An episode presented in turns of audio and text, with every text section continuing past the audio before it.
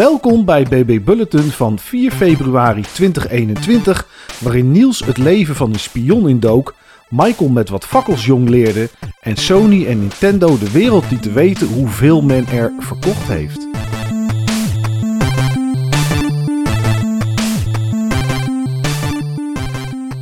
Niels Spion, ja dat kan van alles zijn. Ik Mhm. denk dan altijd aan No One Lives Forever. Dat was ook spionnenwerk, toch? Dat was inderdaad ook spionnenwerk. En die kwam, als ik het me goed herinner, ten tijde van Half-Life 1 uit. Ja, dat klopt inderdaad, ja. Dat was met spiegeltjes waar dan eh, eh, gas in zat om mensen mee te bedwelmen en dat soort gadgets allemaal. Ja, dat was Ja. een hele leuke game. Maar niet degene die ik heb gespeeld. Nee, wat heb je wel gespeeld? Ik heb Perfect Dark Zero gespeeld. Oh, daar hadden we het laatst over natuurlijk. Ja, klopt. Ja, en de nieuwe Perfect Dark is aangekondigd. En ik denk dat het in de lucht zat of zo, want ik kwam daarna nog wel meer dingen tegen over Perfect Dark. Maar ik ben Perfect Dark Zero gaan spelen. Dat is een Xbox 360 game, een launch game. Ja. Maar dan op de Xbox Series S via de Game Pass. Oh ja, tuurlijk, ja. Oh, slim zeg. Ja, daar zit het natuurlijk gewoon in, inderdaad. Ja, Ja. dat, dat is een titel van, van Rare, dus dat ja, is Microsoft's eigen titel, dus dat stoppen ze er wel in natuurlijk. Ja, en het is dan ook een hele interessante titel. Ik zou niet zeggen een hele leuke titel. Maar ik heb hem wel uitgespeeld. En dat komt echt omdat het een, ja, een soort, hoe moet ik het zeggen, flashback is naar verschillende tijdsgeesten van games. Want het is een game die eigenlijk een aantal console-generaties overbrugd heeft. Volgens mij is het prototype ooit gestart op de Nintendo 64. Hebben ze die gepoord naar de GameCube. Uiteindelijk was er een versie op de Xbox Original, zal ik maar zeggen. Ja. Maar hij is gelanceerd op launch day, volgens mij zelfs op de. Xbox 360. Ja, ja, het was een launch titel inderdaad, ja. En van al die platformen met hoe het genre zich ontwikkeld heeft, first-person shooter genre, krijg je allemaal wat mee in deze Perfect Dark Zero. Dus het is zowel een vrij moderne Xbox 360 game als een hele ouderwetse. Oké, maar is dat dan, begint het ouderwets en eindigt het nieuw? Dat je het gevoel hebt dat ze de levels en mechanics achteraan hebben geplakt door de tijd heen? Of loopt dat door elkaar? Hoe moet ik dat zien, zeg maar? Ja, gek genoeg zou je zoiets wel kunnen stellen. Kijk, wat Perfect Dark interessant maakte in de Nintendo 64-tijd was dat het eigenlijk de opvolgende titel op GoldenEye was. Ja. En GoldenEye was voor consolebegrippen echt een revolutionaire first-person shooter, omdat je niet alleen die Bond-licentie had, maar je had allerlei nieuwe dingen, zoals eh, stealth in first-person shooters, een beetje zoals Deus Ex had. Dus je moest soms in een terminal moest je een lasernet uitzetten, zodat je ergens doorheen kon sneaken. Of je moest een turret disablen of er hingen camera's waar je uit het zicht moest blijven. Dus je had sneaken. Je had objective-based gameplay.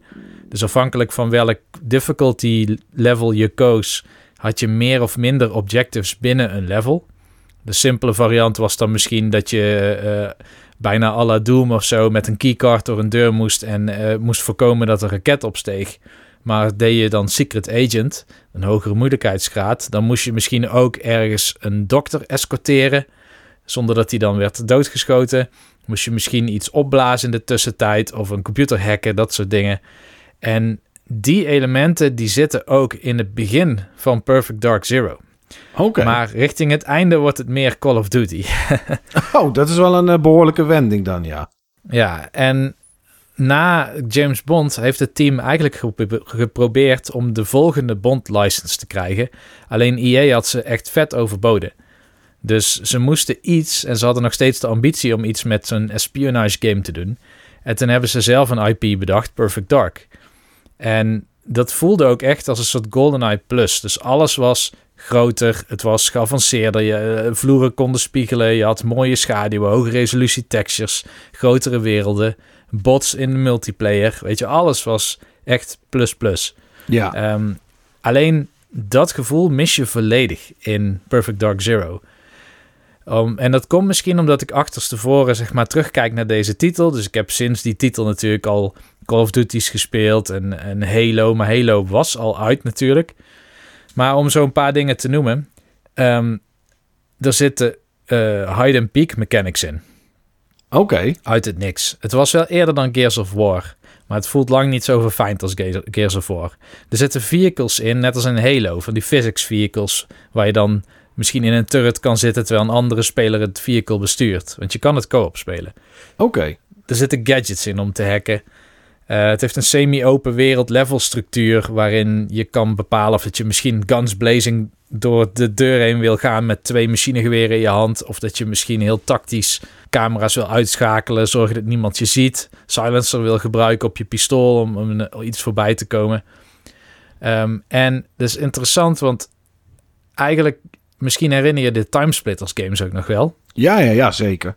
Na, volgens mij Perfect Dark op de Nintendo 64 is dus een deel van het team is weggegaan en hebben Free Radical gevormd. En een ander deel is gebleven bij Rare en die zijn dus Perfect Dark Zero gaan maken. Maar Free Radical heeft eigenlijk een hele andere benadering op de GoldenEye gameplay patronen uh, geprobeerd. Dat was echt heel arcadey. Ja. Daar had je niet die, zeg maar, die open missiestructuren met allerlei objectives die je moest doen, die soms veel meer in uh, de Metal Gear Solid serie thuis zouden voelen, zeg maar, dan, uh, dan in een schietserie. Tegelijkertijd voel je ook wel weer in Perfect Dark Zero dat het, het is sowieso een prequel trouwens. Dus het speelt zich af voor het N64-deel. Um, met een Joanna die eigenlijk niet lijkt, dat is hoofdrolspeelster, op de Joanna van Perfect Dark op de Nintendo 64. Want dat was een heel serieus spel. Nou ja, serieus. Het ging over, op een gegeven moment ook over aliens en uh, ja. mystieke artefacten en zo. Maar je speelt hier dus nog een jonge Joanna. En dat is een vrij rebels type, zeg maar. Terwijl de Joanna in Perfect Dark, dat was iemand die perfect de, de orders, zeg maar, volgde van het bedrijf wat haar in dienst stelde. Maar het heeft ook wel een minder serieuze sfeer wat dat betreft. Um, sowieso, het ziet er een beetje cartoonesk uit qua karakters. Je kan zien bijvoorbeeld dat in die periode dat de makers geïnspireerd zijn door dingen als de Matrix. Dus er zitten mm. cutscenes in waar dan iemand in slow motion achterstevoren door een raam heen springt met een ja. of de super acrobatische move. En dan, dan op de, ergens op de grond weer landt en dan uh, ontsnapt, zeg maar. Dat soort cutscenes zitten erin. Um, maar wat wel is, is dat het is nog steeds een soort game wat je nu verder niet tegenkomt. Dus ook al is het ouderwets, bepaalde dingen zoals die mission-based objectives, maar ook zeg maar, de setting die kom je gewoon op dit moment niet in andere spellen tegen. Zelfs niet in Hitman, wat wel een espionage-achtige game is. Ja, inderdaad. Want ook Perfect Dark Zero is in principe een soort James Bond. Ook qua setting. Ik bedoel, als je kijkt naar het soort levels waar je heen komt, die lijken best wel op uh, GoldenEye. Uh, je zit bijvoorbeeld, en dan met name James Bond settings, zeg maar, voor Pierce Brosnan. Oké, ja, dat uh, tijdperk. Dat tijdperk. Dus de setting, zeg maar, waarin je films had met uh, een raketbasis in een vulkaan die open gaat. Ja, ja, ja, dat soort dingen, ja. Of een raket die een andere raket opeet in de ruimte, zeg maar. Dat soort dingen. En dat zit hier dus ook in. Dus je hebt hier een, uh, je hebt sowieso een jungle. Dat had je altijd. Je hebt een satellietbasis. Je hebt een ondergrondse research facility. Iets met een ijswereld, denk ik ook. Ja, die heb je ook. En je hebt ja. een zwaar... Dit, dit is wel een misschien een outlier, maar je hebt een zwaar bewaakt landgoed in China. Waar dan de baas van een of ander corrupt bedrijf woont. En dan moet je dan infiltreren. Ja. Maar het is, wat dat betreft, het is een leuke game. Want je herkent gewoon, oh ja, die mission-based structuur van GoldenEye, die zit erin. Die raakt het een beetje kwijt na verloop van tijd. Want dan wordt het toch steeds meer actie en Call of Duty, zeg maar, lineair recht toe, recht aan. Je hebt de setting die een beetje bondachtig aandoet. Ja, en um, het ziet er op zich nog best wel aardig uit. Je ziet wel, het is een vroege Xbox 360 game. Dus ja. het is een game met de geometrie van een Gamecube game. Maar dan alles glimt echt tot extreem. maar je zegt net, hè, er zit een hoop in, hè, en je noemde ook echt een hoop dingen. Is dit dan zo'n game waar eigenlijk te veel in zit en niet alles goed is uitgewerkt. Dat ze er liever meer in hebben gestopt. Meer verschillende dingen. Wat dan allemaal net maar iets minder is dan twee of drie dingen die heel goed zijn. Of is dat niet iets wat je merkt? Want zo klinkt het wel, zeg maar. Ja, er zitten wel wat echt overbodige dingen in. En er zitten dingen in die ik wel snap. Want bijvoorbeeld GoldenEye, die had, uh, daar had je allerlei gadgets. Daar had je een horloge met een laser erin en daar kon je dan sloten mee openbranden. Um, en, en, je had meer soorten gadgets die je kon gebruiken. En dat hebben ze dan hier ook erin geshoehorned. Maar die voelen zo overbodig. Dan heb je een soort van hacking device. En dan moet je een hele stomme minigame doen. Ja. Een beetje net als die Deus Ex Human Revolution. Ja, ja, ja. De hele tijd hetzelfde is dat. En op een gegeven moment denk je, ik snap het nu wel. Maar dan, ja, dan moet je het nog maar een keer doen. ja. Ja, En- ja. Ja, dus, dus dat soort dingen zie je hier wel. Zeg maar, ik had wat dat betreft... Ik miste op een gegeven moment ook in de latere levels wel die, die objectives. Je was niemand meer aan het escorteren of zo. Het was gewoon door levels heen, heen rennen. Dus ik denk dat het gewoon uit balans is. Dat dat misschien mijn grootste kritiekpunt is. Hmm. Het weet gewoon niet zo goed wat het wil zijn. Dus je, je loopt Nee. eigenlijk door een soort van Efteling-attractie heen... die zich afspeelt vanaf zeg maar Nintendo 64-generatie... tot en met Call of Duty op de Xbox 360. Ja. Ja, ik denk ook als ik het zo hoor dat daar het probleem zit, zeg maar, door die hele lange ontwikkeltijd. Ja. En waarschijnlijk elke keer andere mensen die eraan werken. Ja, dat het steeds een, een andere wending heeft genomen of zo. Eh, zo klinkt het dan wel een beetje. Ja. Maar hoe lang ben je ermee bezig geweest? Mm, ik denk zo'n 10 uur. Oké, oké. Dus dat is op zich, eh, voor mensen zou het best eens een keer kunnen proberen. Omdat hij toch in Game Pass zit. Ja, ja, dus voor mij was het ook meer een curiositeit, zeg maar. Het is niet Ja. dat ik dacht, oh, ik heb echt heel veel zin hierin.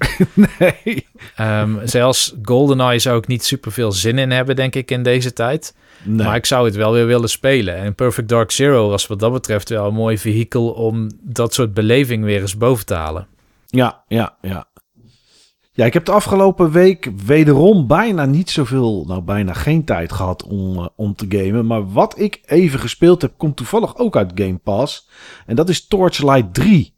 Een, eh, een game die ik al eens een keer eerder heb gezien ergens op, eh, op, op Twitch of zo. Denk ik dat ik eens een keertje een stukje had zitten kijken. En nou ja, voor mensen die denken, wat is het? Ja, weet je, het makkelijkste is, laat het zich vergelijken met een Diablo.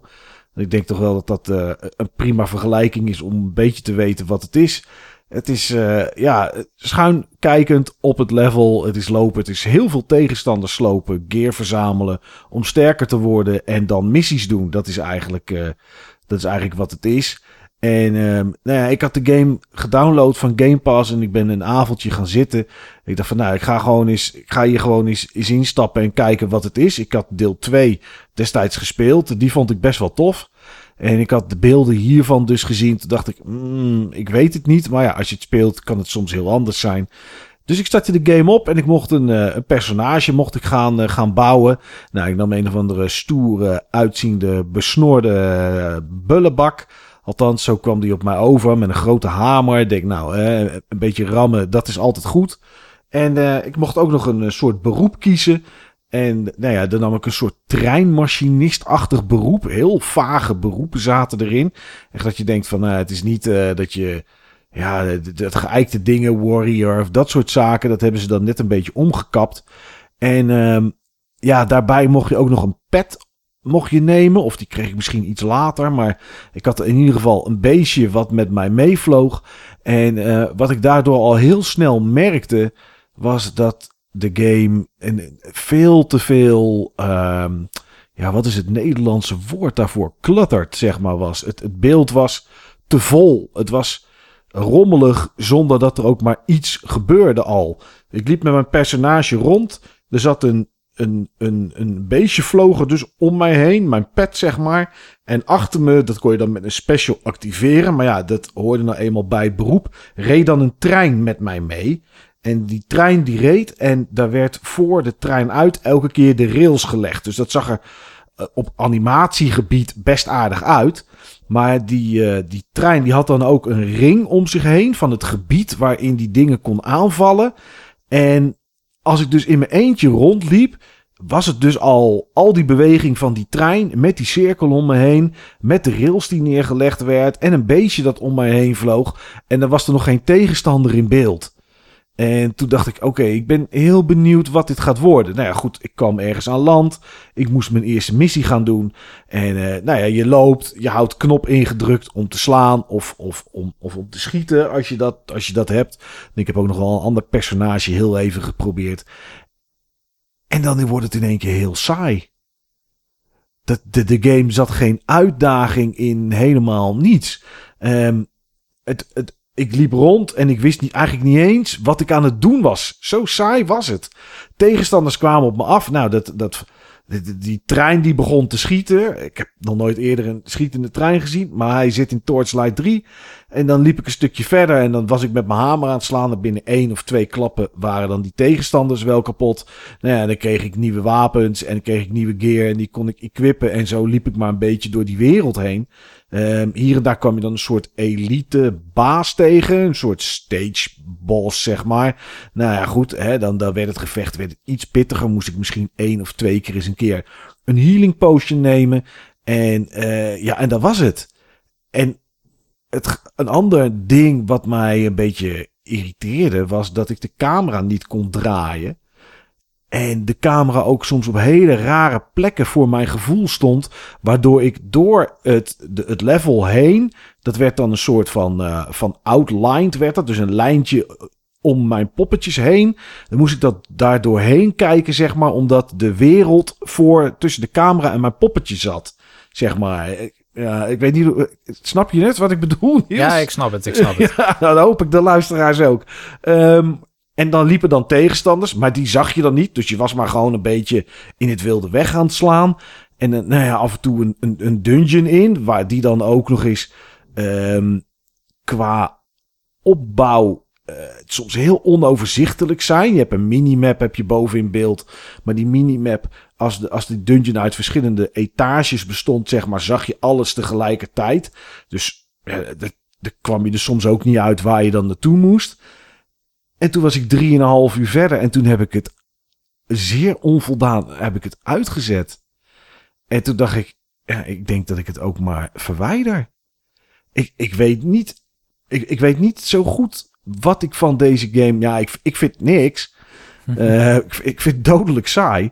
Maar ik snap niet zo goed wat mensen hier aan deze titel leuk vinden, zeg maar. En misschien zie ik het er niet in. Dat zou natuurlijk kunnen.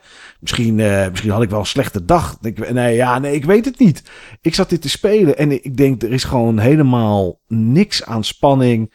Er is niks waarvoor door, voor ik het gevoel heb dat ik enige skill nodig heb dat het moeilijker is of dat, dat ik iets moet doen waarbij ik goed moet opletten of zo. Ja, alleen op mijn hitpoints. Nou ja, af en toe eens een keer één drukje op een knopje om, een, uh, om wat te drinken, zeg maar, om mijn hitpoints aan te vullen. En voor de rest, uh, ik heb zelfs, Niels, dat is voor mij helemaal niks. Ik heb zelfs gewoon het verhaal maar door zitten skippen. ja, dat is meestal ben jij dat. Jij zegt, ja. die verhalen die boeien me niet. En ik zat het te lezen. Ik denk, ja, ik, Oké, okay, doe maar weg, want dan kan ik doorspelen. Het is toch allemaal, hey, kan je daar naartoe en kan je daar dit slopen? Of hey, we hebben iets nodig wat daar ligt, kan je ons helpen? En uh, ja, loop, liep ik er maar naartoe en dan ja, ging ik het wel ophalen. Er zat ook iets in dat ik dacht van, wat doet dit hierin? Op een gegeven moment krijg je een huis. Een oud kasteel was het geloof ik of zo, of een fort of weet ik veel wat. En die kan je dan gaan, gaan aankleden door meubeltjes neer te zetten en en, en, en, en een kast of zo om je om te kleden. Of ik noem maar wat, dat soort spulletjes. Moest ik in één keer een soort van basebuilding gaan doen. En, en toen dacht ik, ja, ik weet helemaal niet wat dit hierin doet, joh. Het leek wel. Ja, ik, nou, ik heb echt geen idee.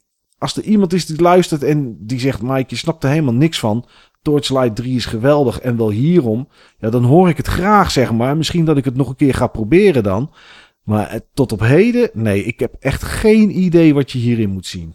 Ik hoor het dan ook graag, want ik zou het ook niet weten. Ik heb toevallig, ik denk een paar maanden geleden Torchlight 2 geprobeerd. Ja.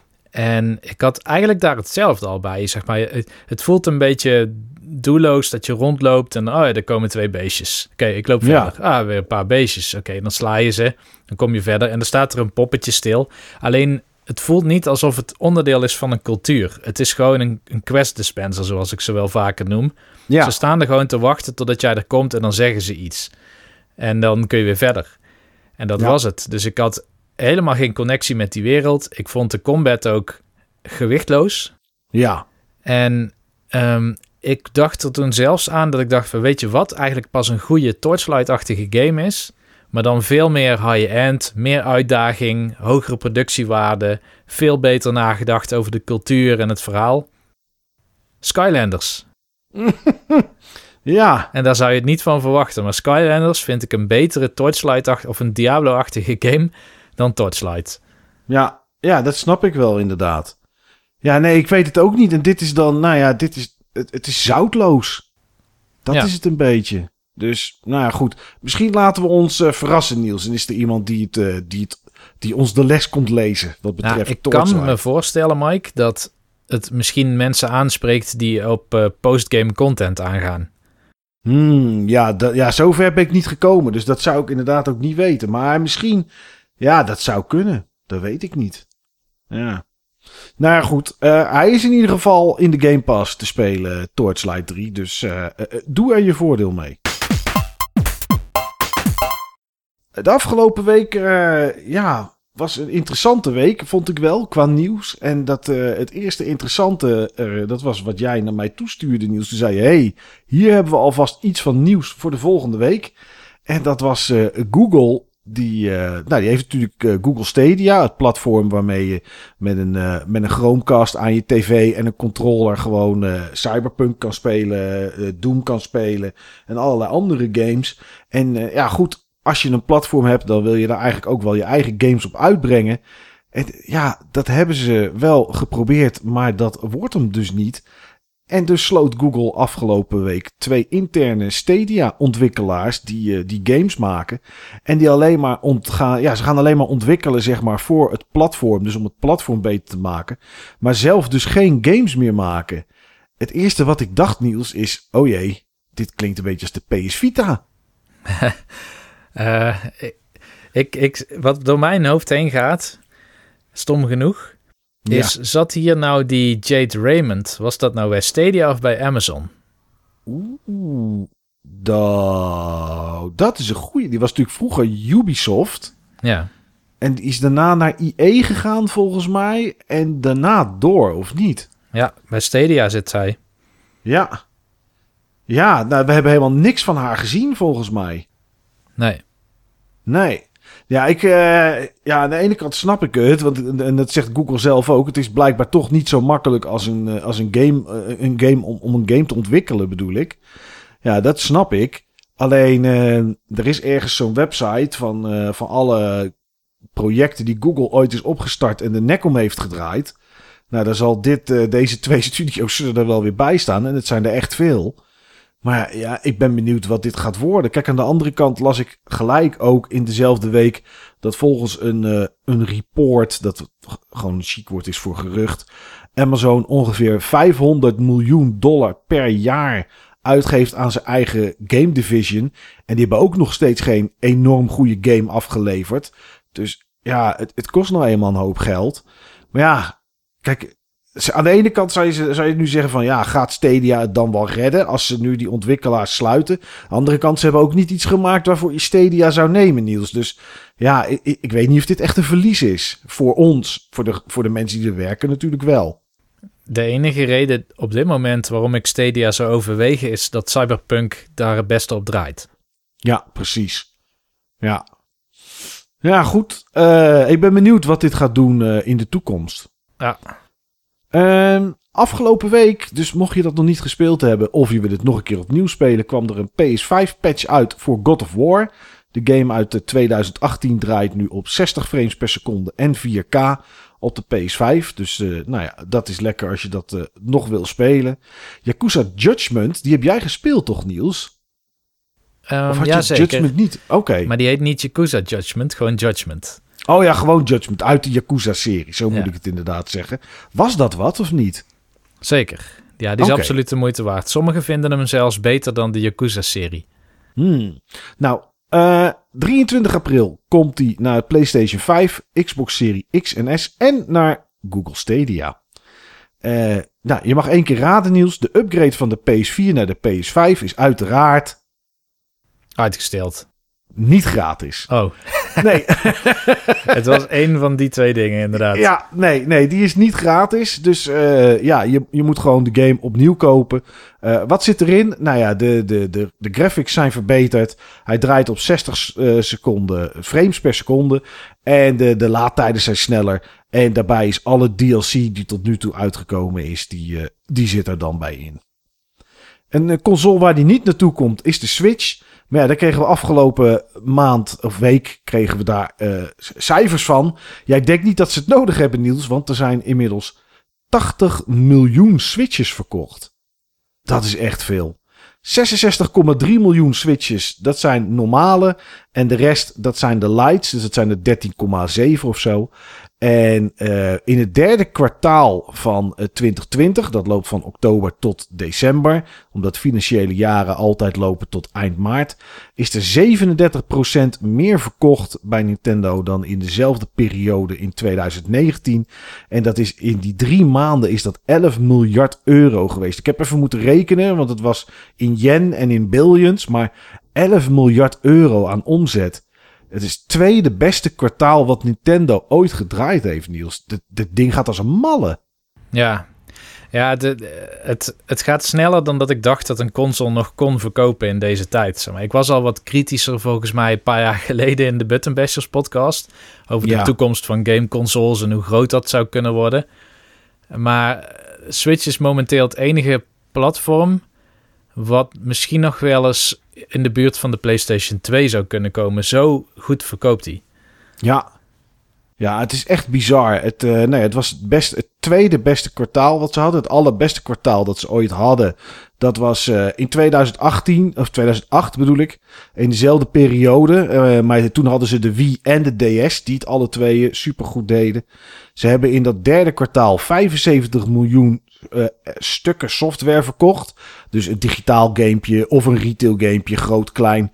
Alles bij elkaar opgeteld waren 75 miljoen stukjes software hebben ze verkocht. En dat is dan weer 17% meer dan het derde kwartaal van 2019. En uh, ja, ik snap wel dat Nintendo gezegd heeft ook... de komende 12 maanden zal er geen enkele vorm van een geüpgrade Switch komen. En dus ze hebben voorlopig ook geen aankondigingen te melden. Maar ja, ze hebben het ook niet nodig, joh. Nee, en de prijs is ook alleen maar duurder geworden sinds launch. Ja, ja.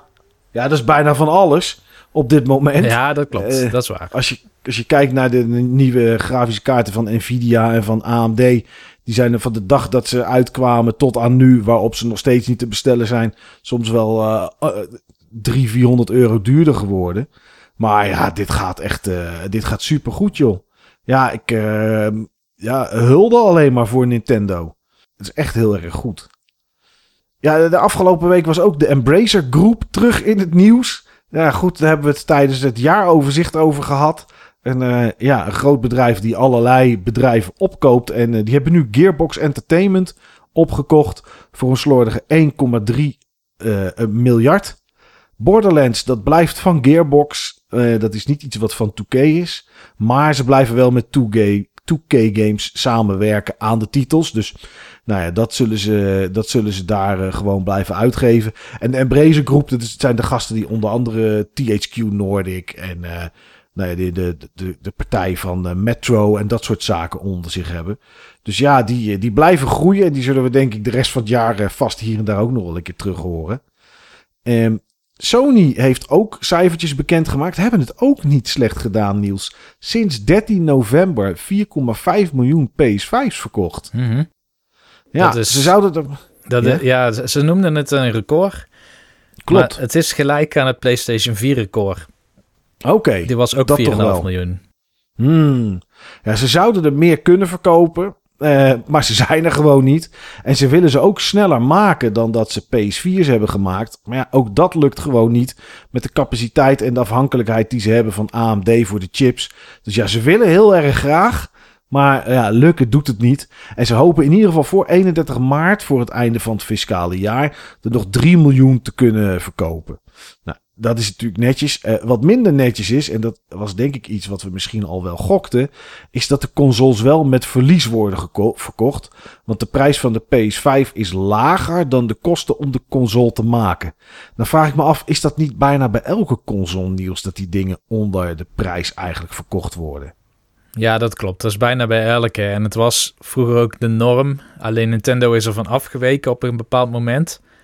Die zijn volgens mij de laatste generaties altijd uh, onder of boven, uh, laat ik het zeggen, assemblage en ja, components en zo gaan zitten.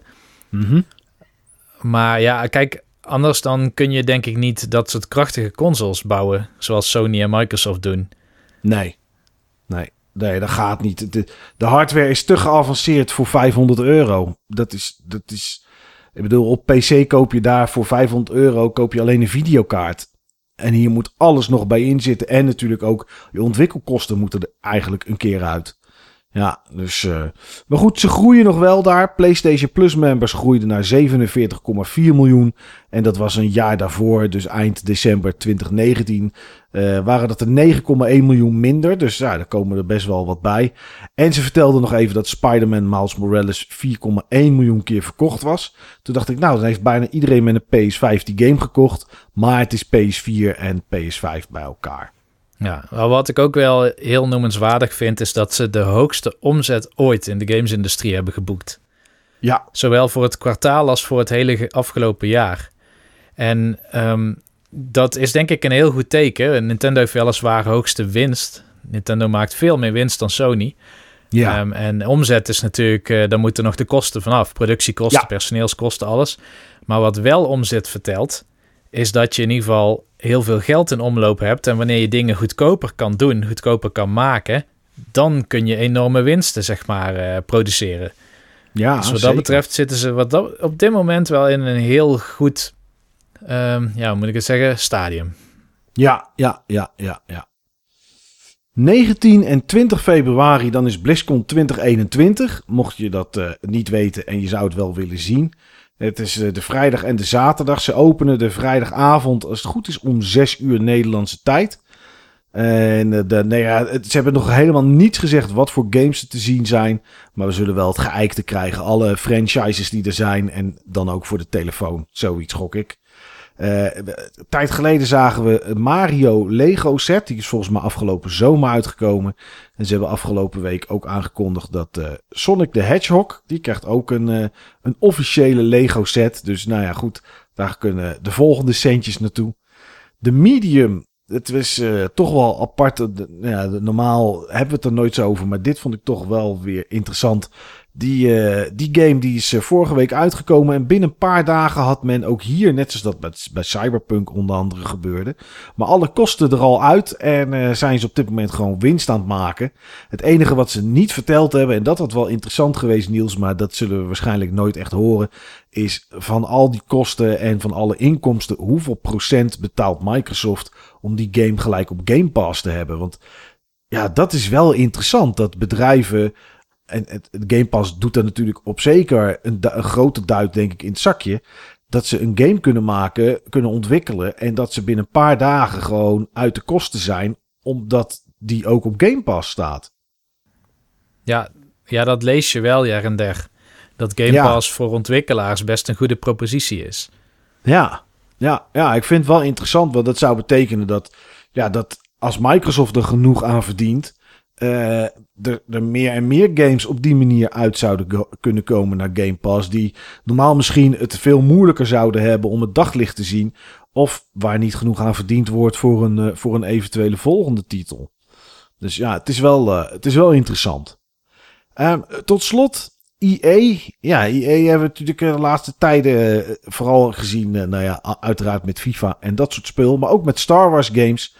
En uh, ze hebben de afgelopen week laten weten dat ze in totaal, dus uh, niet afgelopen jaar, niet het jaar daarvoor, maar een lifetime lang, hebben ze 3 miljard dollar omzet gegenereerd met alle Star Wars games. Daar zitten dan ook Knights of the Old Republic tussen, Battlefront, maar ook gewoon Star Wars Squadrons, die laatst is uitgekomen, en Jedi Fallen Order. En in totaal heeft, uh, heeft EA 52 miljoen uh, Star Wars games verkocht. Ja, uh, ze hebben nog een gratis game. Dat is Star Wars Galaxies, uh, Galaxy of Heroes. Een free-to-play mobiele titel. Die is goed voor 1 miljard. Dat is op zich wel een, een heel groot bedrag. Dus ik snap wel dat ze misschien een, een, beetje angstig zijn. Nu ze zien dat Ubisoft ook een, ook een Star Wars game gaat maken, Niels. Want ja, er is goed aan te verdienen blijkbaar. Ja, inderdaad. Het is het meer dan waard om die licentie te kopen. Ja, ja, zeker weten. Nou goed, uh, voorlopig hebben ze nog dingen in de pijpleiding zitten. Ik geloof nog een game of drie, waar we dan uh, nog niet eens iets van hebben gezien. Dus wellicht dat, uh, wellicht dat we dat binnenkort een keer zien. En dan nou ja, kunnen ze die getallen uitbreiden. Het is, wel, ja, het is wel netjes, moet ik zeggen. 3 miljard live to date, zeg maar. dat, is niet, dat, is niet, dat is niet verkeerd. Ja, dat was hem voor deze week. Niels, het zit erop. Ik heb nog één heel klein dingetje. Oh, dat is altijd goed. Want dat uh, is net pas getweet. Oké. Gisteren is de oprichter en CEO van ZeniMax overleden. Oh, jeetje. Hoe heette die kerel? Uh, Robert Altman. Ik ken oh, verder die naam niet, maar hij schijnt best goed te liggen ook in de development community. Hij wordt wel gezien als iemand die heel betrokken is en meedenkend. Ja, zijn naam ken ik wel. Ik heb hem wel eens ergens gezien, denk ik. Maar uh, oké, okay. ja, dat is toch altijd zonde. Ik weet niet of hij nu nog betrokken was. Maar uh, ja, oprichter kan, ja, dat is uh, altijd zonde om iemand die blijkbaar dan ook nog zo goed ligt, dat die, dat die er niet meer is, inderdaad. Ja. Oké, okay, dat was hem voor ons voor deze week. Tot volgende week.